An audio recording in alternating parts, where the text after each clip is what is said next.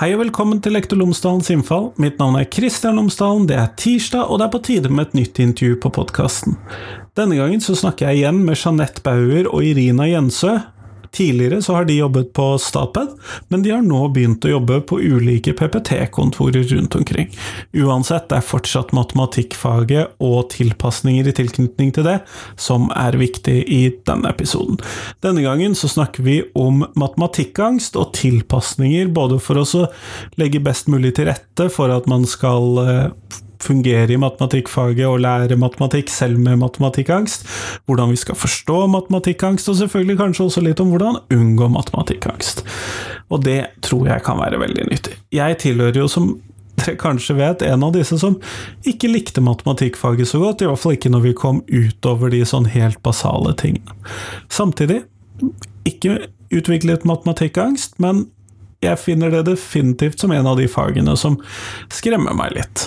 Men det er jo noe helt annet enn alle disse som man virkelig kan snakke om matematikkangst for, og det er jo en av hjertebarna til disse to.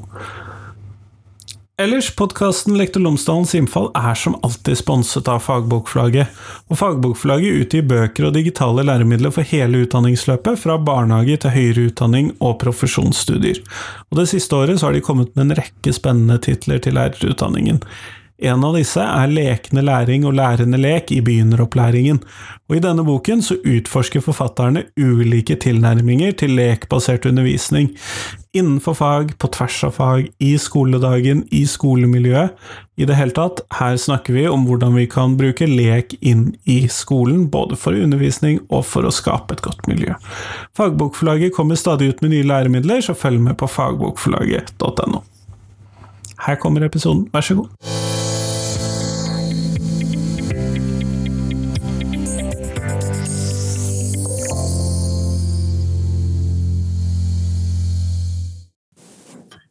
Irina og Jeanette, tusen takk for at dere har tatt dere tid til meg igjen.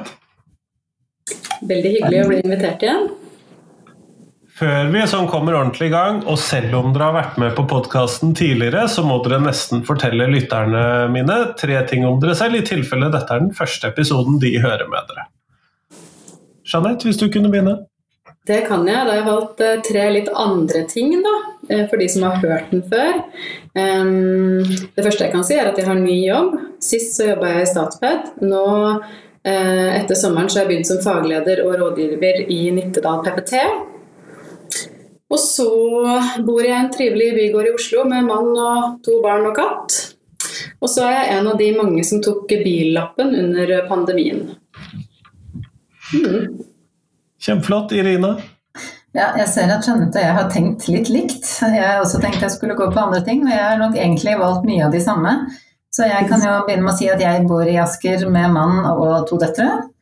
Eh, at jeg også har byttet jobb siden sist. Jeg tror du sa noe om det i den episoden som var, Kristian, at det var ting på gang, og det var det. Så jeg jobber nå i Drammen PP-tjeneste.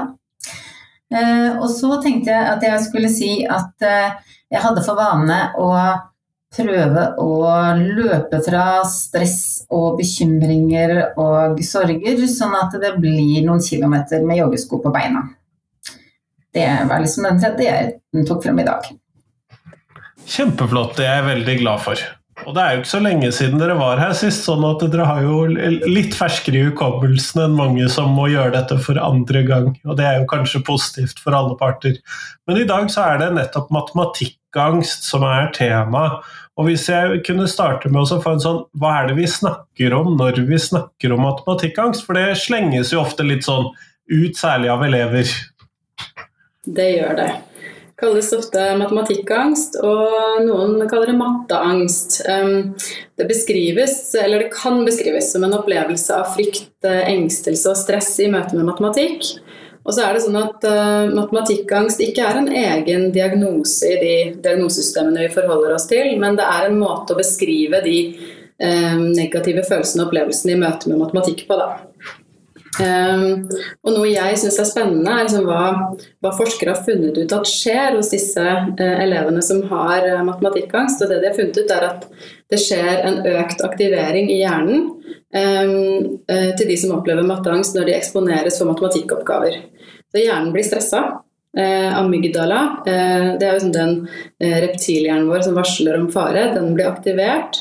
Man kan kjenne fryktfølelse og få sånne fysiske symptomer som, som hjertebank. Og så har forskere også funnet forhøya kortisolnivåer, altså stresshormoner, hos de som opplever matteangst. Så det dreier seg ikke bare om negative følelser knytta til matematikk, men har helt sånn klare fysiologiske utslag. Og sånn til slutt, for å si litt om hva det er, så er det sånn at det stresset man opplever også kan sette den arbeidshukommelsen vår ut av spill. Og arbeidshukommelse er jo evnen til å bearbeide og lagre informasjon. Eh, og den arbeidshukommelsen er kjempeviktig når vi jobber med matematikkoppgaver. Eh, og så tror man også at matteangst fører til negative tanker, da, og at disse negative tankene, eh, når man jobber med matteoppgaver, bruker de ressursene man hadde trengt til å jobbe med matematikk til f.eks. problemløsning. Så matteangst påvirker og reduserer evnen vår til å tenke matematisk og løse matematiske problemer, rett og slett. Mm. Ikke så kort fortalt, men, eh, men, litt om hva matteangst er. Mm. Jeg hører jo i det at det at hodet da blir så opptatt med matematikkangsten, gjør det jo mm. ikke lettere at det man jobber med, sitter til neste gang, f.eks.?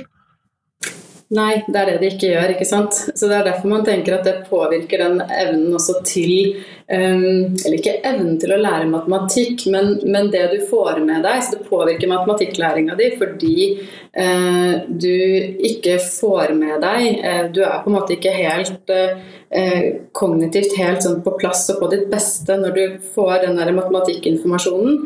Sånn at du klarer ikke å lagre den, og da klarer du ikke heller å hente den fram til neste gang. ikke sant? Så det påvirker den Um, den evnen til å få jobba med matematikk da. Mm, og utvikle seg også faglig kan det påvirke. Mm. Men eh, hva vet vi om hvem, hvem, er disse som har eller får eller står i fare for å utvikle få matematikkangst? Jeg er litt usikker på hvilke ord jeg skal bruke, som alltid når det kommer til denne typen tema.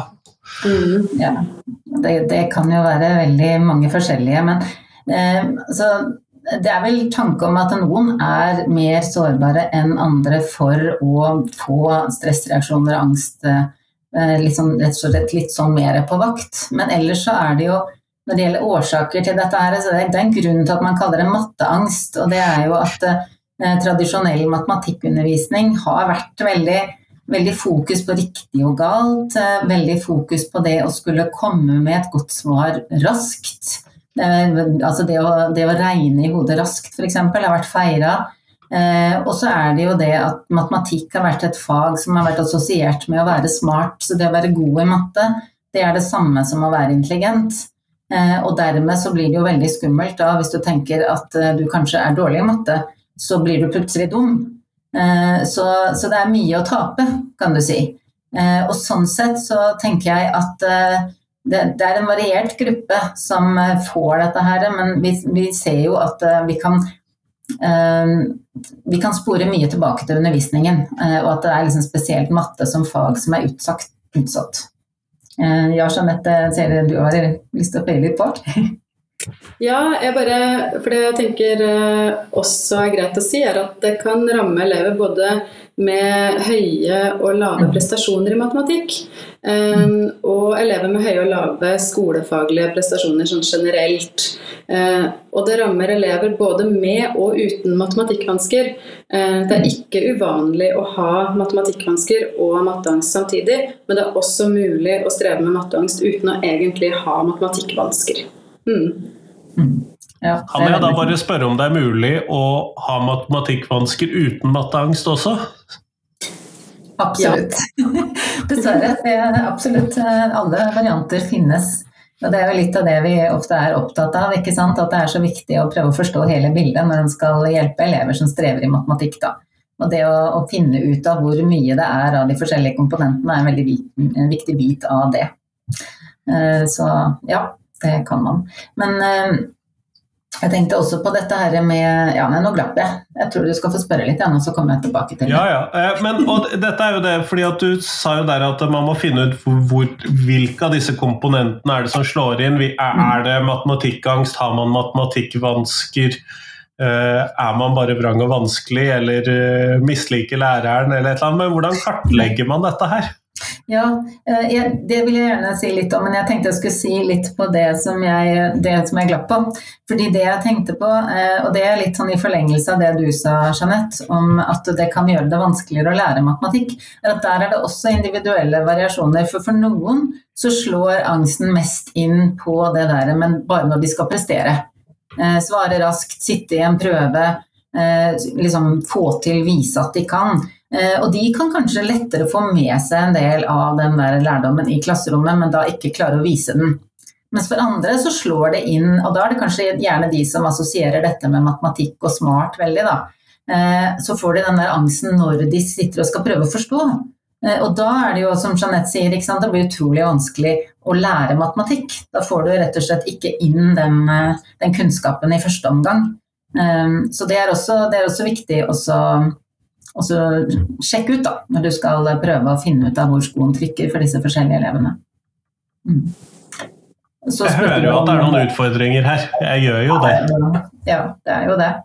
Men vi Men, tar en liten sånn optimistisk en sånn, uh, før vi Det var kartlegging du sa. Men det, vi, vi, har jo veldig stor, um, store forhåpninger til fagfornyelsen og det å legge om denne matematikkundervisningen til å være mer utforskende, ha fokus på problemløsning, litt sånn åpne. Eh, for da tenker vi at mange av disse triggerne til matteangst vil eh, bli veldig dempet. Så det. Eh, men du spurte om hvordan vi kartlegger, ja. Og der er det jo det er jo ikke noe sånn quick fix. Det er jo rett og slett å gå til, gå til den store eksperten som er eleven sjøl. Prøve å få dem til å snakke litt om hvordan de opplever det å skulle jobbe med matematikk Eh, få stilt de spørsmålene som liksom kan være med å avdekke. For det, de tenker jo ikke nødvendigvis på det som matteangst, de skjønner jo ikke det at de kanskje sliter mer enn andre. Så da må man jo hjelpe dem også å se det. Og så har jo vi en eh, film da, som vi har vært glad i å vise når vi holder kurs og foredrag. Eh, den kan du jo godt legge ut etterpå, Kristian. Eh, eh, den kan jeg lenke til i shownotesen. Ja, og den er rett og slett fin å se sammen med elever som har litt ålreite engelskferdigheter. For det er en engelsk TED-ed som heter 'Why do people get so anxious about math?' med Orly Rugenstein. Som har veldig gode animasjoner og illustrasjoner og er en litt sånn artig måte å vise dette på. Eh, og vi har erfaring med at det å se den sammen med elever som eh, gjerne ja, kanskje mellomtrinn, ungdomstrinn, som har ålreit engelsk, så kan de få en liten aha-opplevelse.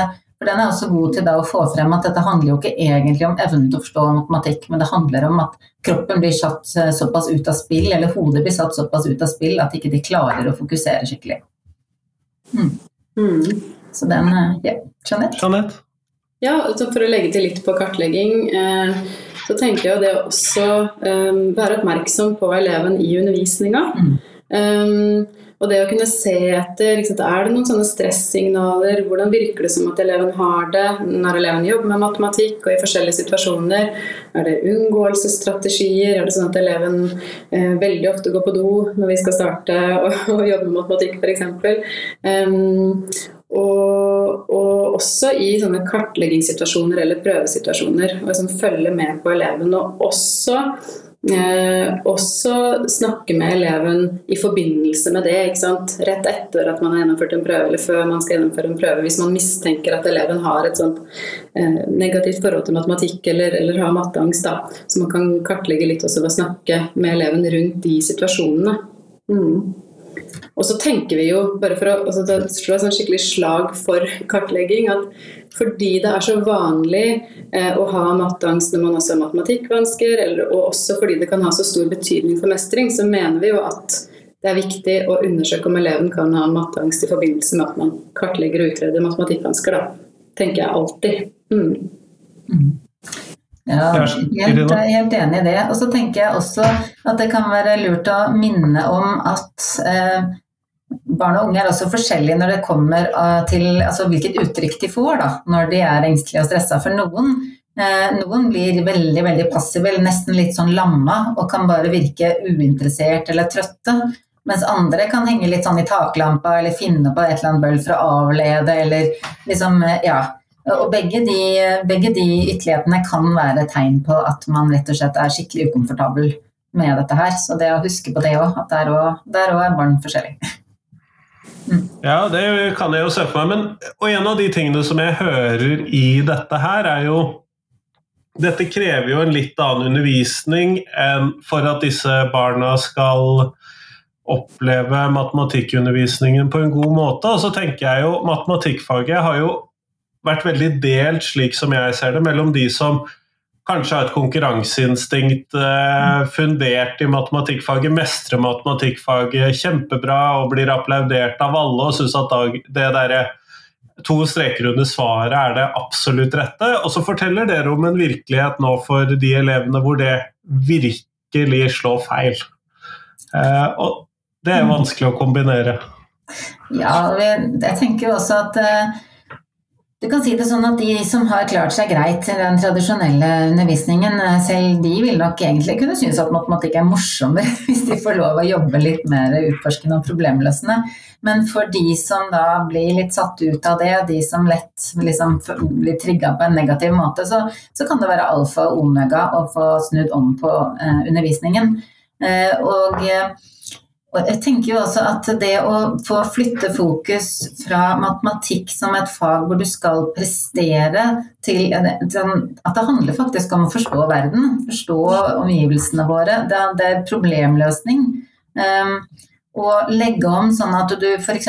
begynner um, med et praktisk problem som må løses, som utgangspunkt for å for å lære noe nytt i matematikken og utforske litt rundt det. Ta åpen diskusjon med elevene, komme med forslag, eh, anerkjenne de forskjellige svarene som kommer.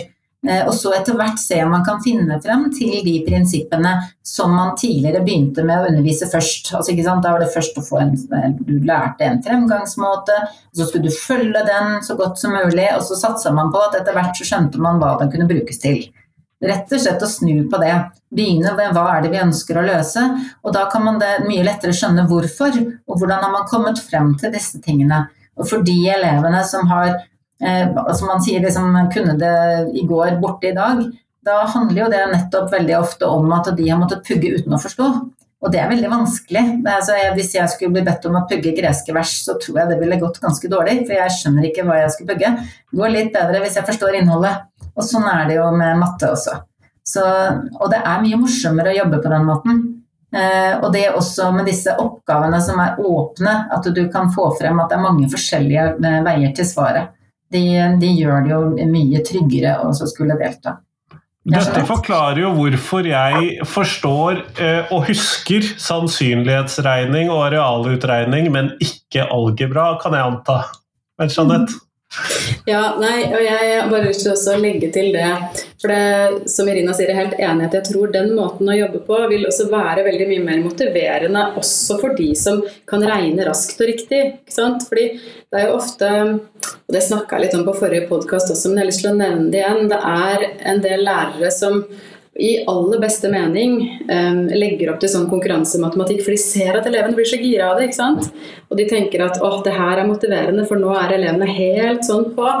Men uh, når vi vet at det er omtrent kanskje 20% som, får, uh, som har matteangst, og i hvert fall 20% av dem sitter og er, er, kanskje ordentlig redde når man skal i gang med en eller annen gangekonkurranse eller man skal uh, regne raskt og riktig foran alle, og jeg tror at i en sånn situasjon så er det ikke bare 20% heller, men det er over halve klassen sitter og syns det egentlig er ganske ubehagelig. Så det er, liksom, det er, der, det er egentlig ment som um, å få i gang engasjement og motivasjon.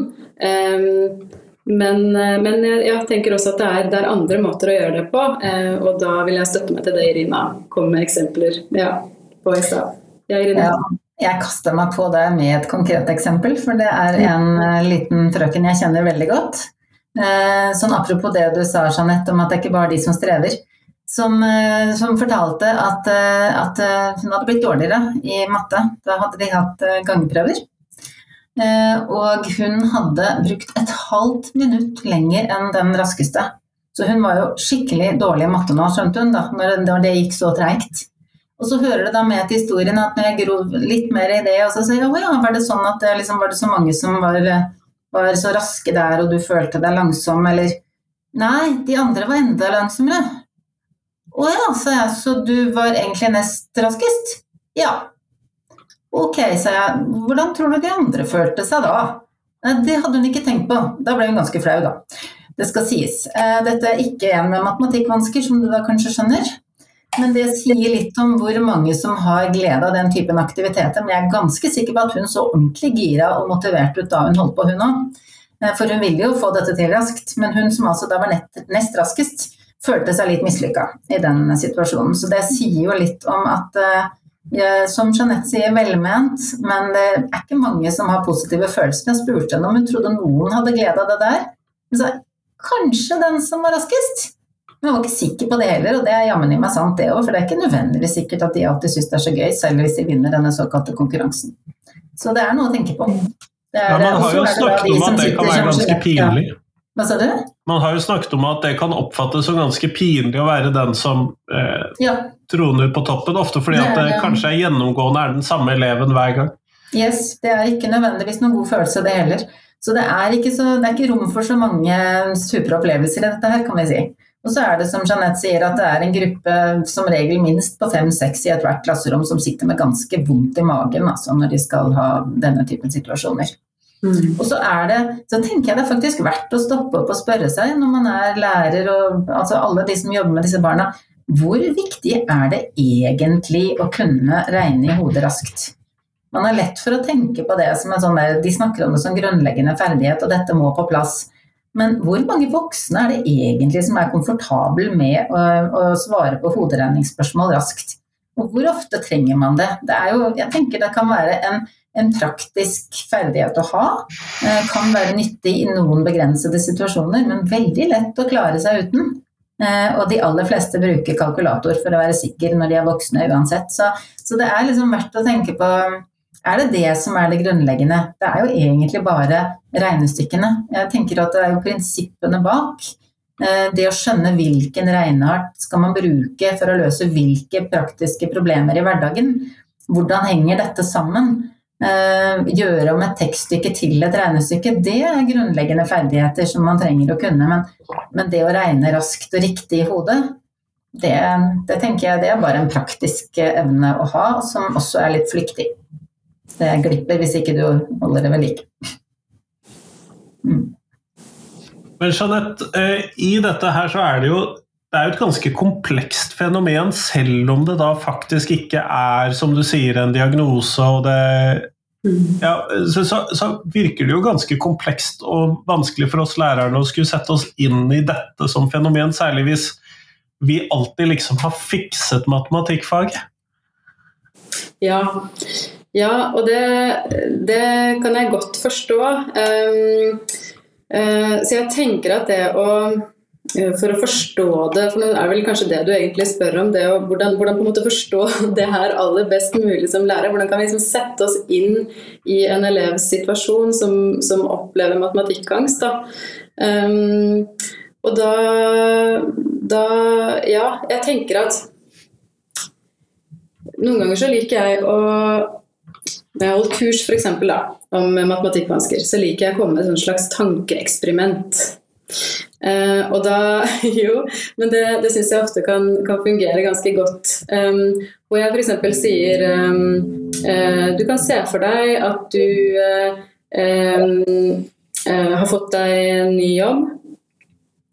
og i, i, jobben din så har du fått en, en oppgave og den oppgaven, det er noe du egentlig er ganske det er, det er, ikke noe du er komfortabel med. Det er noe du føler at dette her får jeg egentlig ikke til. Dette er egentlig Ikke liker jeg det, og ikke får jeg det så bra til, men det er en del av arbeidsoppgaven din, så det må du bare gjøre. Og så får du i tillegg vite at uh, ja, og så er det sånn at uh, hvert halvår så sjekker vi hvordan det står til med deg uh, innenfor dette området. så du, du får en liten prøve Mm, og så kommer lederen inn til deg og snakker med deg etterpå om hvordan det egentlig går. Og du gjør så godt du kan da, og gjennomfører den oppgaven så godt du kan, og du øver deg og prøver å få det til.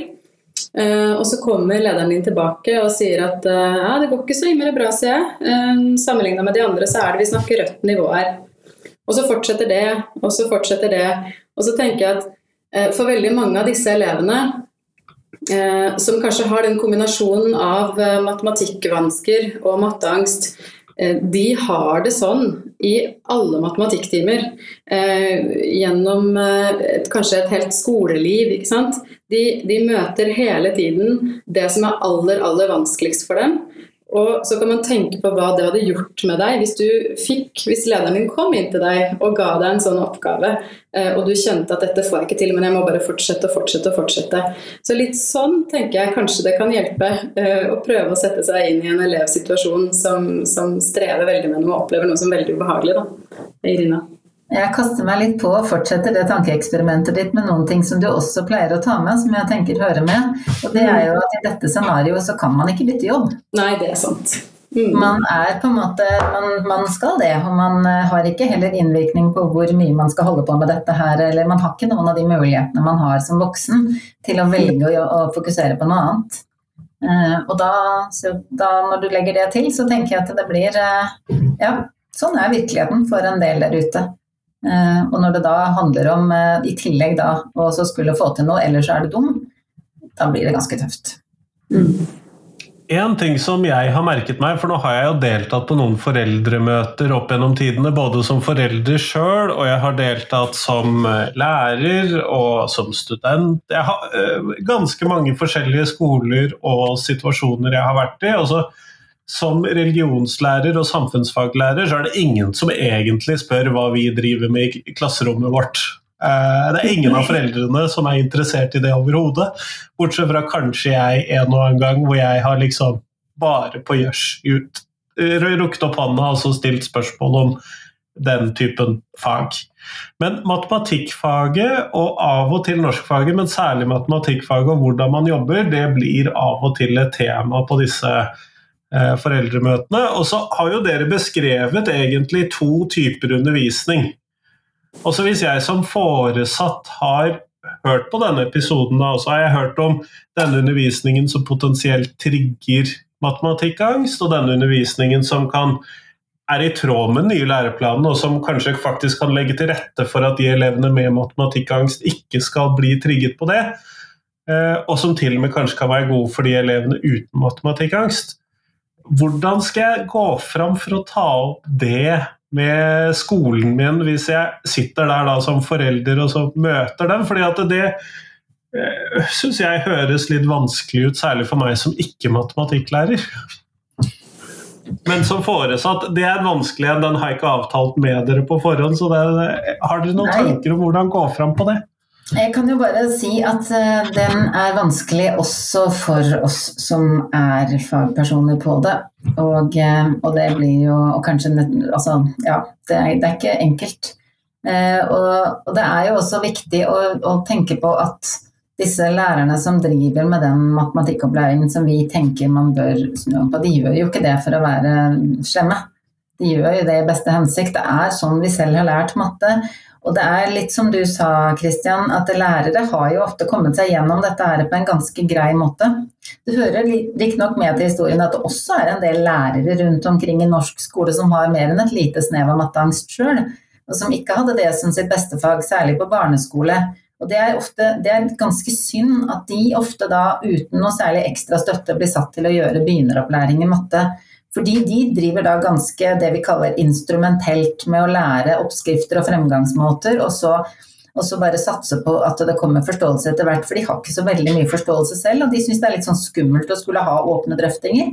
Fordi de kan være redd for at elevene kommer med spørsmål og kommentarer som de ikke eh, liksom kan følge opp på en god måte. At de ikke kanskje har de gode svarene.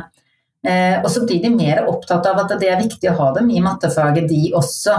Jeg, jeg snakket jo med en lærer en gang som eh, kunne fortelle entusiastisk om undervisning i temafag, hvor man tok opp åpne ting, og så kunne si ja, og så var det noen av elevene som spurte om, og det visste jo ikke jeg heller, og så kunne vi google, og så kunne vi prøve å undersøke. Der hadde vedkommende en veldig avslappa holdning til det at man ikke behøver å vite og kunne alt. Mens i mattefaget, altså, det hadde ikke hun tenkt på at hun kunne gjøre det samme der. Det kunne man også, Vi hadde jo en sånn situasjon på et kurs eh, Jeanette, hvor det var en oppgave som jeg brukte som en demonstrasjonsoppgave, og så kom det et svar jeg ikke hadde regna med. Som handlet om rett og slett hvis du halverer en firkant, får du da én eller to figurer? Og det tenkte jeg, ja, det er et godt spørsmål. Jeg har ikke tenkt på at det liksom skulle være noe der. Og så, og så endte det jo med at noen googlet det, og så fant man, ikke sant. Og så ble det bare morsomt. Og så viste det at akkurat i det tilfellet så kunne du faktisk eh, si begge deler. Men, men, at det ikke er farlig. Det gjør ikke noe. Og det, det kan være litt morsomt, og at elevene kan ha godt av å oppleve det at læreren også noen ganger står i stuss, og da kan man finne ut og men det er det mange av lærerne også som ikke er trygge på. At de føler at de må ha en fasit, de må kunne alt, vite alt. Og Da blir det jo heller ikke så, så lett da, å tørre å, å, åpne opp og ta den undervisningen som legger til rette for denne litt mer åpne, utforskende tilnærmingen. Mm. Jeanette vil gjerne følge på.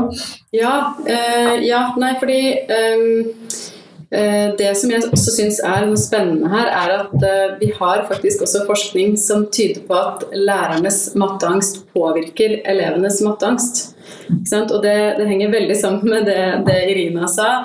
Man tror jo da, man vet ikke helt sikkert, men man tror at det bl.a. skjer fordi de lærerne som selv kanskje opplever at de er dårlige i matematikk, eller ikke er så trygge i matematikk selv, de vektlegger den pugginga av lærebokmatematikken fordi det mer er en sånn fast oppskrift man kan følge eh, og undervise litt mindre fleksibelt og kreativt. Så Det er jo egentlig mye av det samme Irina sa, men det støttes også i forskninga. Så det, det syns jeg er spennende. Mm. Ja, for det er jo egentlig ganske, det er jo ganske naturlig. Altså, vi blir mm. mer fleksible og mer åpne og mer imøtekommende jo tryggere vi føler oss. Mm. Føler vi oss litt sånn pressa og litt usikre, så blir vi ganske firkanta. Det, det gjelder jo voksne like mye som det gjelder eh, barn og unge. Sånn sett så kan vi jo være veldig glad for at man nå i større grad setter eh, faglige krav til de som skal undervise i de forskjellige fagene, men det minsker vel også sjansen for at de som ikke fikset matematikkfaget, faktisk begynner å jobbe med matematikk og kan bli trygge og gode matematikklærere på sikt? Ja, det var det, da. Der har vi også et eksempel, faktisk, Jeanette. Det var en som vi hadde på kurs, som hadde slitt voldsomt Eh, som vel til og med kanskje har denne spesifikke matematikkvansken eh, som går ut på det med, med vansker med tall og mengde. Som hadde vært veldig usikker da hun kom på kurset vårt om hva vi ville tenke om at hun nå drev eh, spesialundervisning i matematikk. Men hun hadde jo da kommet gjennom dette nettopp ved å jobbe utforskende, problemløsende, fått god hjelp, og hadde jo en enorm forståelse for disse elevene som strevde. Så jeg tenker hun gjorde helt glitrende undervisning, jeg. Så det kommer an på, altså. Det, det, hvis man får hjelp til å komme seg gjennom dette, så kan man jo tvert om bli veldig god på det. Så jeg tenker at det er en liten eh, utfordring der for lærerskoler, eh, lærerhøyskoler, da, som utdanner lærere. Eh, å se litt på hva de legger opp til i sin lærerutdanning. For jeg tenker at det er, det er, nok ikke sånn at lærerne kommer ut liksom fullt rusta til å omfavne fagfornyelsen og alt det nye når de er ferdigutdanna.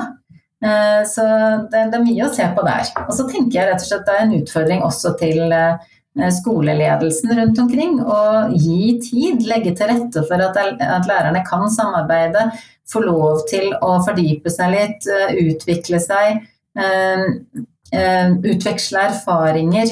For jeg tenker at Det er veldig forståelig at mange har syntes det er vanskelig å legge om og ikke helt vet hva de skal legge om til det er en travel hverdag, det er mye å ta tak i for lærere. Eh, sånn at man trenger faktisk å få litt støtte. Og jeg tenker også bare noe sånt som at ikke det finnes et offentlig organ som ser på de læreverkene som selges til norsk skole og gir en eller annen kvalitetsvurdering som kan hjelpe skolen. Så nå er det jo opp til hver enkelt skole å kvalitetssikre egne, sine egne læremidler. Det er veldig mye som forventes. Jeg tenker at eh, det er mye man kunne se på der for å gjøre det litt enklere og få tid til å fordype seg litt og, og, bli litt tryggere da, i å gjøre dette her på en litt mer åpen måte.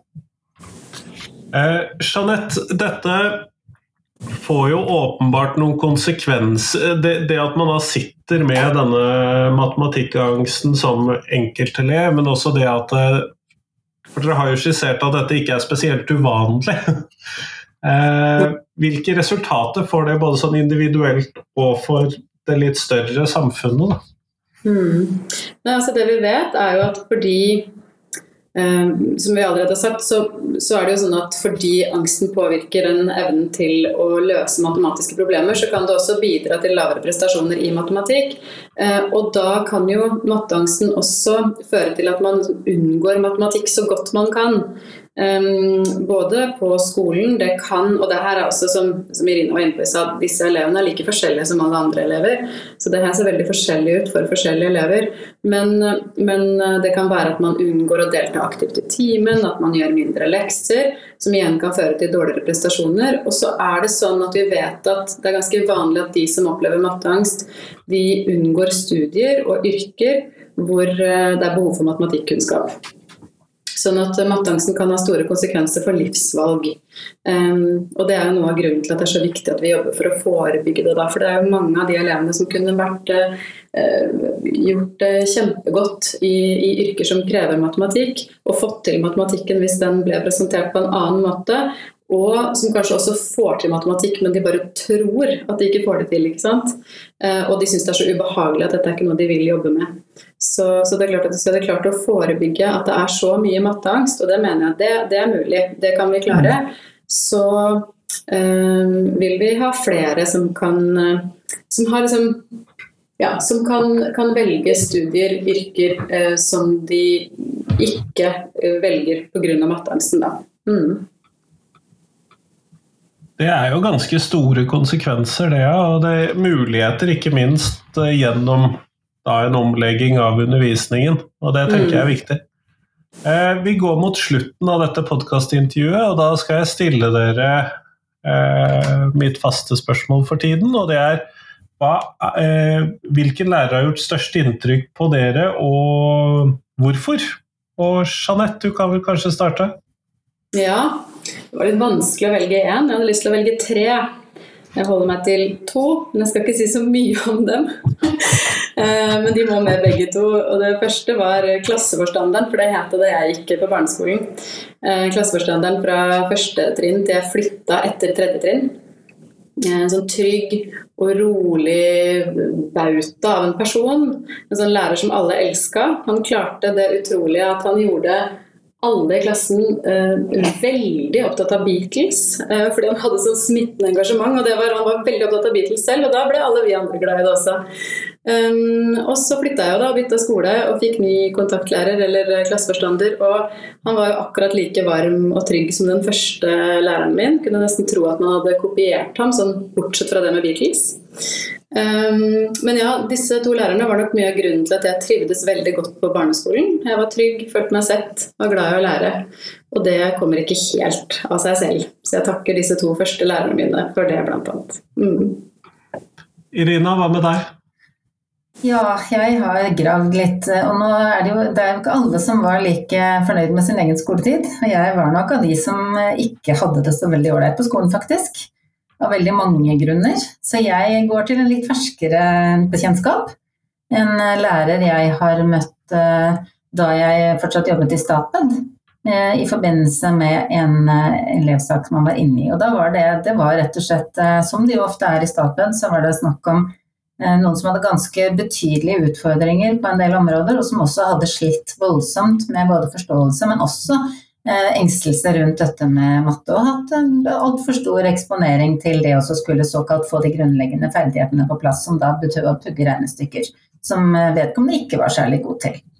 Men den læreren eh, som da underviste den eleven nå, hadde altså en helt fantastisk tilnærming, og det var det var liksom for meg å få se fagfornyelsen i praksis og virkelig få illustrert hvilken forskjell det gjør for de som trenger det. Eh, den læreren eh, hadde en liten gruppe, eh, og, og hun hadde altså åpne oppgaver, hun hadde drøftinger. Det var elever som alle egentlig hadde hatt et ganske dårlig forhold til matematikk, som satt der, og som var trygge, og som var interesserte, og som var på og kasta frem spørsmål som hun parerte på en utrolig inkluderende og ålreit måte. Eh, og hvis de svarte noe som var liksom litt, på viddene, så fikk de allikevel anerkjennelse eh, og, og liksom nok bekreftelse til at det var greit. Så det, det, er liksom Det å se sånne ting Hun står ut, men det er jo alltid noen klasserom og noen lærere man er innom hvor man bare tenker at utrolig fint. I dag også faktisk så var jeg så en god matematikktime i en, eh, i en tredjeklasse på en skole jeg samarbeider med nå med en lærer som også da hadde denne åpne, drøftende holdningen og anerkjennende til elevene.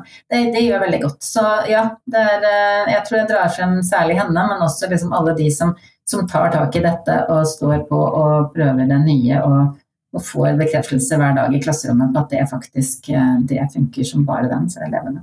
Mm. Tusen takk for at dere var med i dag. Takk for at du fikk være med. Mm.